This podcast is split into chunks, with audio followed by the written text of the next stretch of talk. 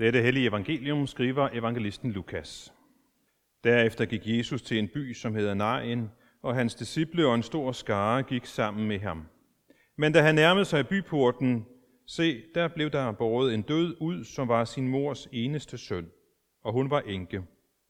Og en stor skare fra byen fulgte med hende. Da herren så hende, ynkedes han over hende og sagde, græd ikke. Og han gik hen og rørte ved borgeren.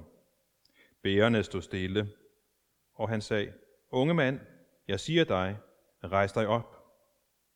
Der satte den døde sig op og begyndte at tale, og Jesus gav ham til hans mor. Alle blev fyldt af frygt og priste Gud og sagde, en stor profet er fremstået iblandt os, og Gud har besøgt sit folk. Og de ord om ham nåede ud over hele Judæa og i hele omegnen. Amen.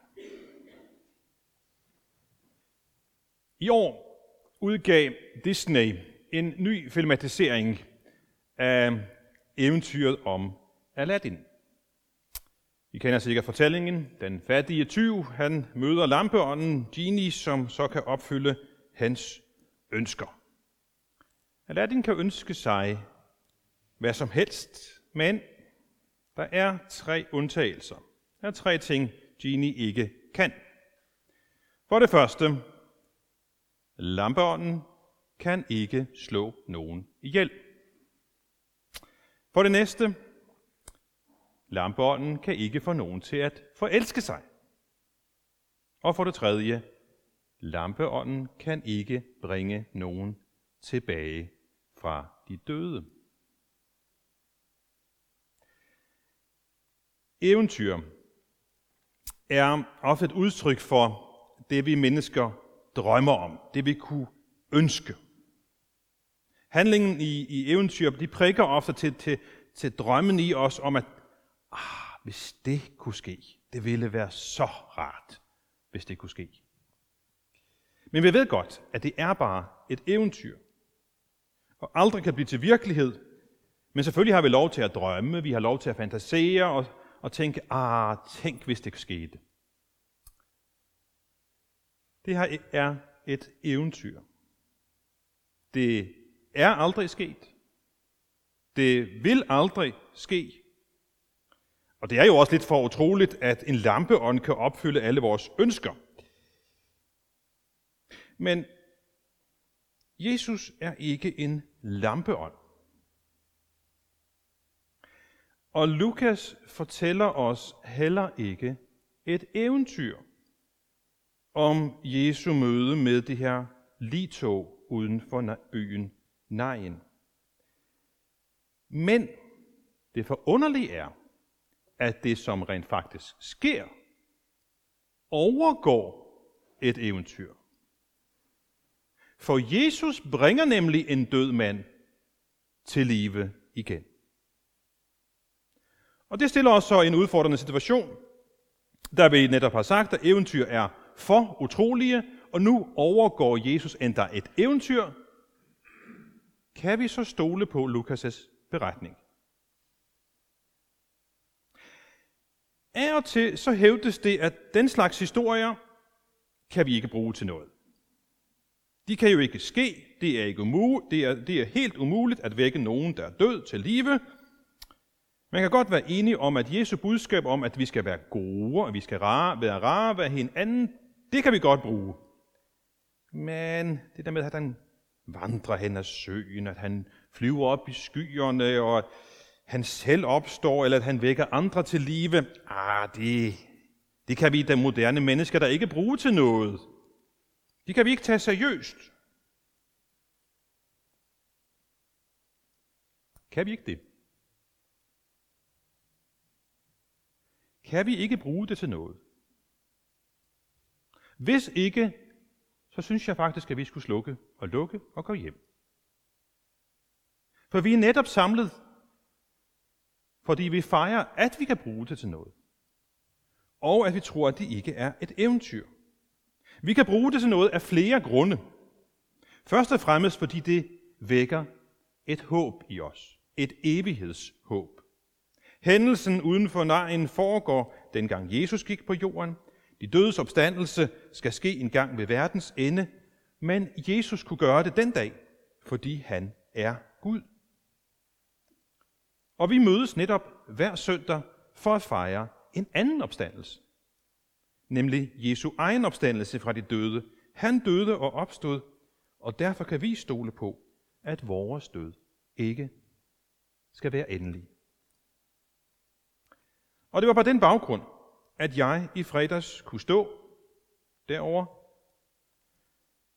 fremsige de velkendte ord, af jorden skal du igen opstå.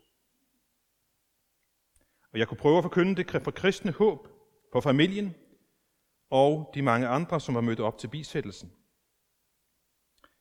Og efter bisættelsen, så kom jeg, som nogle gange før, til at tænke på, at der findes ikke et sted som ved et dødsleje og ved en bisættelse, hvor man kan mærke effekten af, at ens eget hjerte stadig slår. Og der findes heller ikke et sted som ved et dødsleje, hvor man samtidig bliver mindet om sit eget jordiske livs endeligt.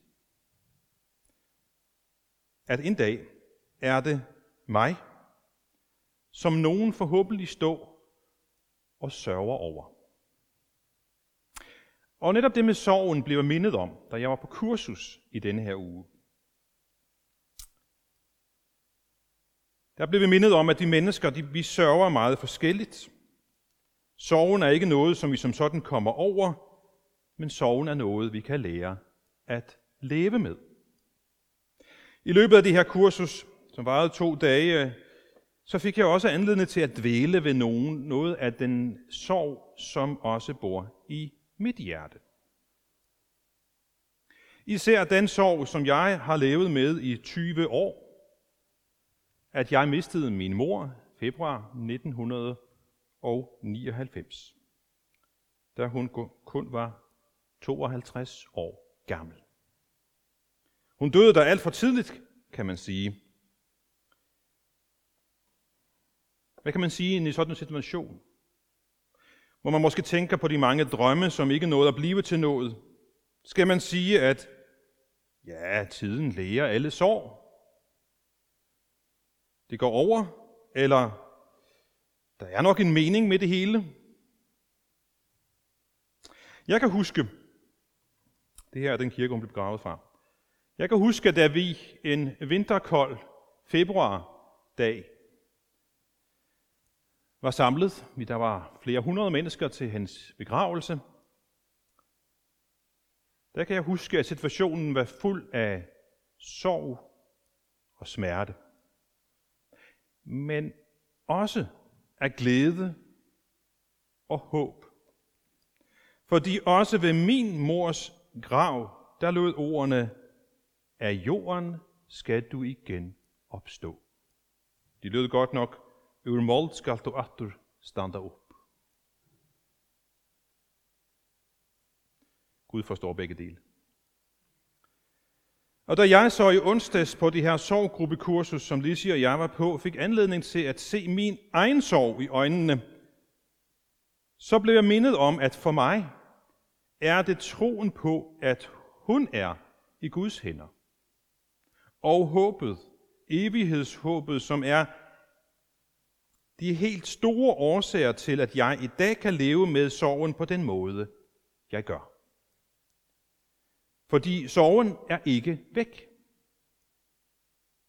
Og det er der heller ikke et mål, at sorgen skal forsvinde ud af vores liv. Fordi min mor vil altid være en grundlæggende del af mit liv i en eller anden udstrækning. Men jeg har et levende håb om et evigt genstyn, på grund af Jesu opstandelse fra de døde. Og netop opstandelsen blev Arne Haugen Sørensen for 25 år siden bedt om at skildre. Det var Ringkøben Kirke, der henvendte sig til ham og sagde, kan du skildre opstandelsen? Og det gjorde han. Og det kom der dette, denne altertavle ud af. Hvis vi zoomer ind, så kan vi se, at billedet viser et menneske, som løftes op af graven af Guds hænder.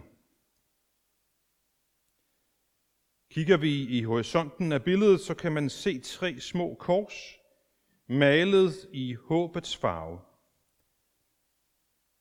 Og på kirkens hjemmeside står, at der kommer rigtig mange for at kigge på dette billede. Og billedets øh, størrelse og klare farver gør, at man som besøgende straks fanges af dette smukke maleri. Dette maleri har været til glæde. Det har også været til trøst. Og med Miriams tilladelse har jeg fået lov til at nævne, at netop dette billede har været hende til stor trøst, efter hun pludselig mistede sin mand. Lad os nu være stille et lille øjeblik, hvor vi kigger på billedet, dvæler ved det, det her udtryk for opstandelsen. Måske er der andre af os, som også kan finde trøst og opmuntring. Jeg sætter mig et lille øjeblik.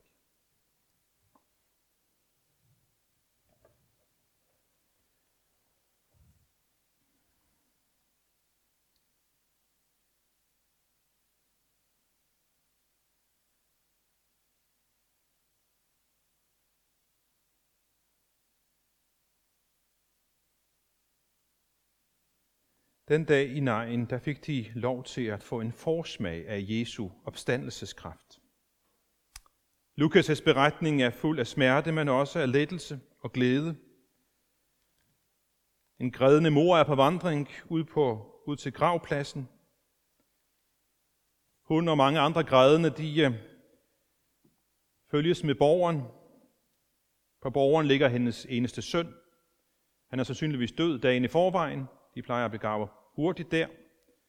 Og det tragiske er, at hun godt kender den her vandring ud til gravpladsen. Hun har været der før.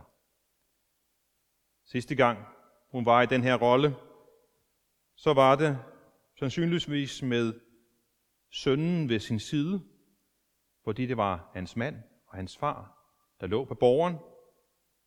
Denne gang, så går sønnen ikke ved hendes side.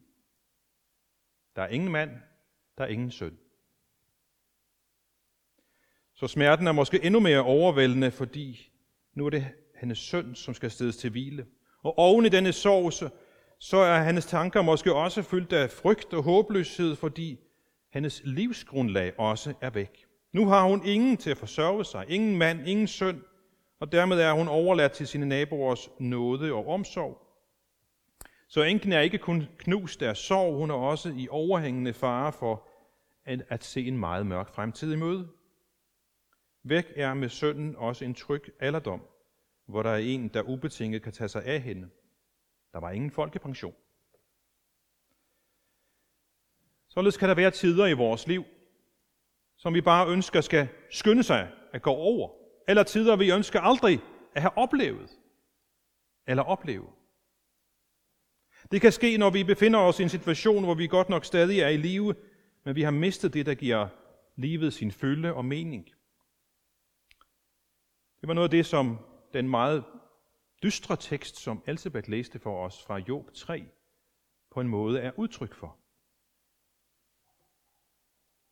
Job, han har talens brug. Han bruger den til at rase med. Hvorfor døde jeg ikke ved fødslen, sagde han. Hvorfor giver Gud lys til de elendige og liv til de fortvivlede? Manden Job har sprog, men den sørgende mor og enke i Nain, hun har ikke sprog på det her tidspunkt. Hun har i hvert fald ikke ord for det, der er sket, eller også så kan hun ikke udtrykke det med ord, men hun udtrykker det med gråd. De er begge to fortvivlede. De bærer sig lidt forskelligt ad. Måske kunne de blive enige om, at det er kun Gud, der kan holde ud, at vi både skal leve og dø. Det er så svært for os mennesker, som hele tiden tvinges at låne det ene øje til livet og det andet øje til døden, og ikke særlig godt kan tåle, at de to blik mødes. Men det er det, der sker. Livets blik og dødens blik mødes uden for nejen. Til den unge mands mor, så kan man ikke komme regnende med, jamen det er naturens orden, kære kvinde. Eller servere nogle smukke visdomsord med, jamen tiden læger dine sår. Fordi det her, der sker, er imod naturens orden. For børn skal da ikke dø for deres forældre. Men de gør de jo. Og hvad skal vi stille op? Her kan naturens orden ikke stille noget op. Men hvad kan så, eller hvem kan så stille noget op? Jo, det kan han, der kommer til os med livets blik. Og det han kan, det er, at han kan se lige ind i dødens iskolde øjne. Han kan stille stormen, han kan stille gråden. I ham, i hans kærlighed kan vi leve helt grundfæstet, uden helt at kunne fatte højden og dybden og bredden af den. Han kan stille noget unaturligt op mod naturens orden, og det gør han den dag. For han har også ord. Ja, han er Guds ord, som blev kød. Og derfor siger han, rejs dig op, unge mand. Og så får vi den her for fantastiske sætning. Da satte den døde sig op. Og moren fik sin søn tilbage. Jesus er altså den, der med ord kan rejse mennesker fra dødslejet. Og sådan gjorde han i hvert fald i nejen, men sådan vil han også gøre med os. Og så kan man spørge, øh, hvordan det? Har vi ikke siden måtte lægge millioner af sønner og døtre og mænd og koner og fædre og mødre og brødre og søstre i graven, uden at få dem tilbage? Jo, det er rigtigt. Men alligevel, for lige siden Jesus, så har vi lagt dem i graven på en anden måde. Vi har godt nok lagt dem i graven, men nu kan vi gøre det med håb. Det ufattelige håb, som Jesu opstandelse fra de døde giver os. Vi kan, vi kan, ikke, vi kan ikke forstå det. Men Gud kan skænke os troen på det. Og det gør han blandt andet hver gang vi er til nadver. Hver gang vi knæler ved nadverbordet, så bliver vi mindet om Jesu opstandelse. Mindet om troen på, at vi er velsignede med det evige livs horisont. Måske vidste Job det ikke. Måske vidste enken det ikke. Men, men vi ved det, fordi vi lever jo på den anden side af den store påske, hvor Jesus opstod. Men der er også en anden grund.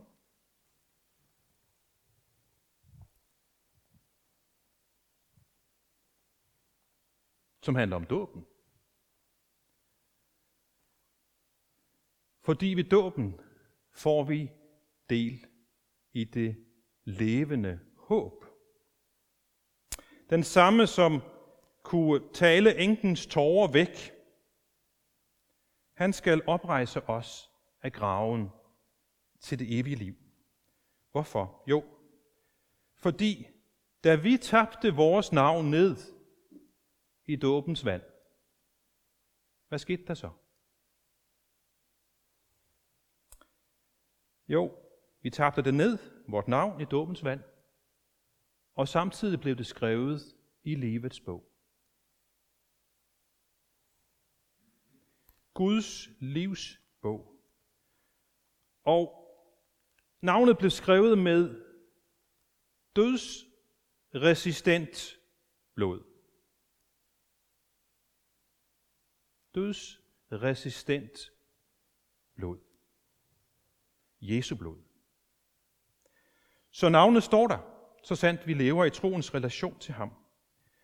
Og det bliver vi mindet om, hver gang vi er til alters, som vi skal om lidt. Det er jo en, en minde om, om påsken for 2000 år siden, men det er jo også en påmindelse om den store påske, den store opstandelse, som venter os en dag, da Jesus kommer igen for at hente sine. Den dag skal det blive til virkelighed, det som vi nu lever i håbet om. Men som vi kan se på billedet her, så lever vi ikke der endnu. For det her er den virkelighed, vi møder. Vi lever stadigvæk, hvor vi kan komme til at ryste på hænderne over det, vi er i fare for at miste en dag. Hvordan skal vi holde ud at være i det? Hvordan skal vi leve vores liv på, på dødens baggrund? Ikke to liv er ens, men det jeg gør, det er, at jeg øver mig i at leve mit liv på dødens baggrund ved at lytte til også denne søndags opstandelses budskab. Og så forsøger jeg at rette min tro og rette mit håb mod ham, som har bevist, at dødens problem og magt rent faktisk kan besejret. Det var det, der skete ved nejens port. Og så kan vi bede, som vi gør, når vi er til alders, at Kristus må bo ved troen i vore hjerter. Han som formår med sin kraft, der virker i os, at gøre langt ud over, hvad vi beder om eller forstår. Og ham må vi have os fast i, i slægt efter slægt, så vi en dag kan være sammen med ham i evighedernes evigheder.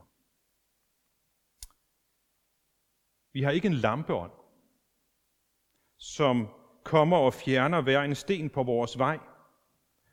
Men vi har en Gud, som er blevet menneske i sin søn, som har vandret på jorden, har oplevet vores sorg og glæde og bekymringer og fest. Men han var ikke bare et menneske, en Guds egen søn. Og det fik de et så klart bevis for den dag uden for nejen, at alle de tilstedeværende, står der, de blev fyldt af ærefrygt og priste Gud og sagde, Gud har besøgt sit folk. Og de ord om ham nåede ud over hele Judæa og hele omegnen, og tusind år senere var det også nået hele vejen op til os. Og derfor at vi mødes hver søndag for at mindes, for at fejre, at Kristus er stærkere end døden.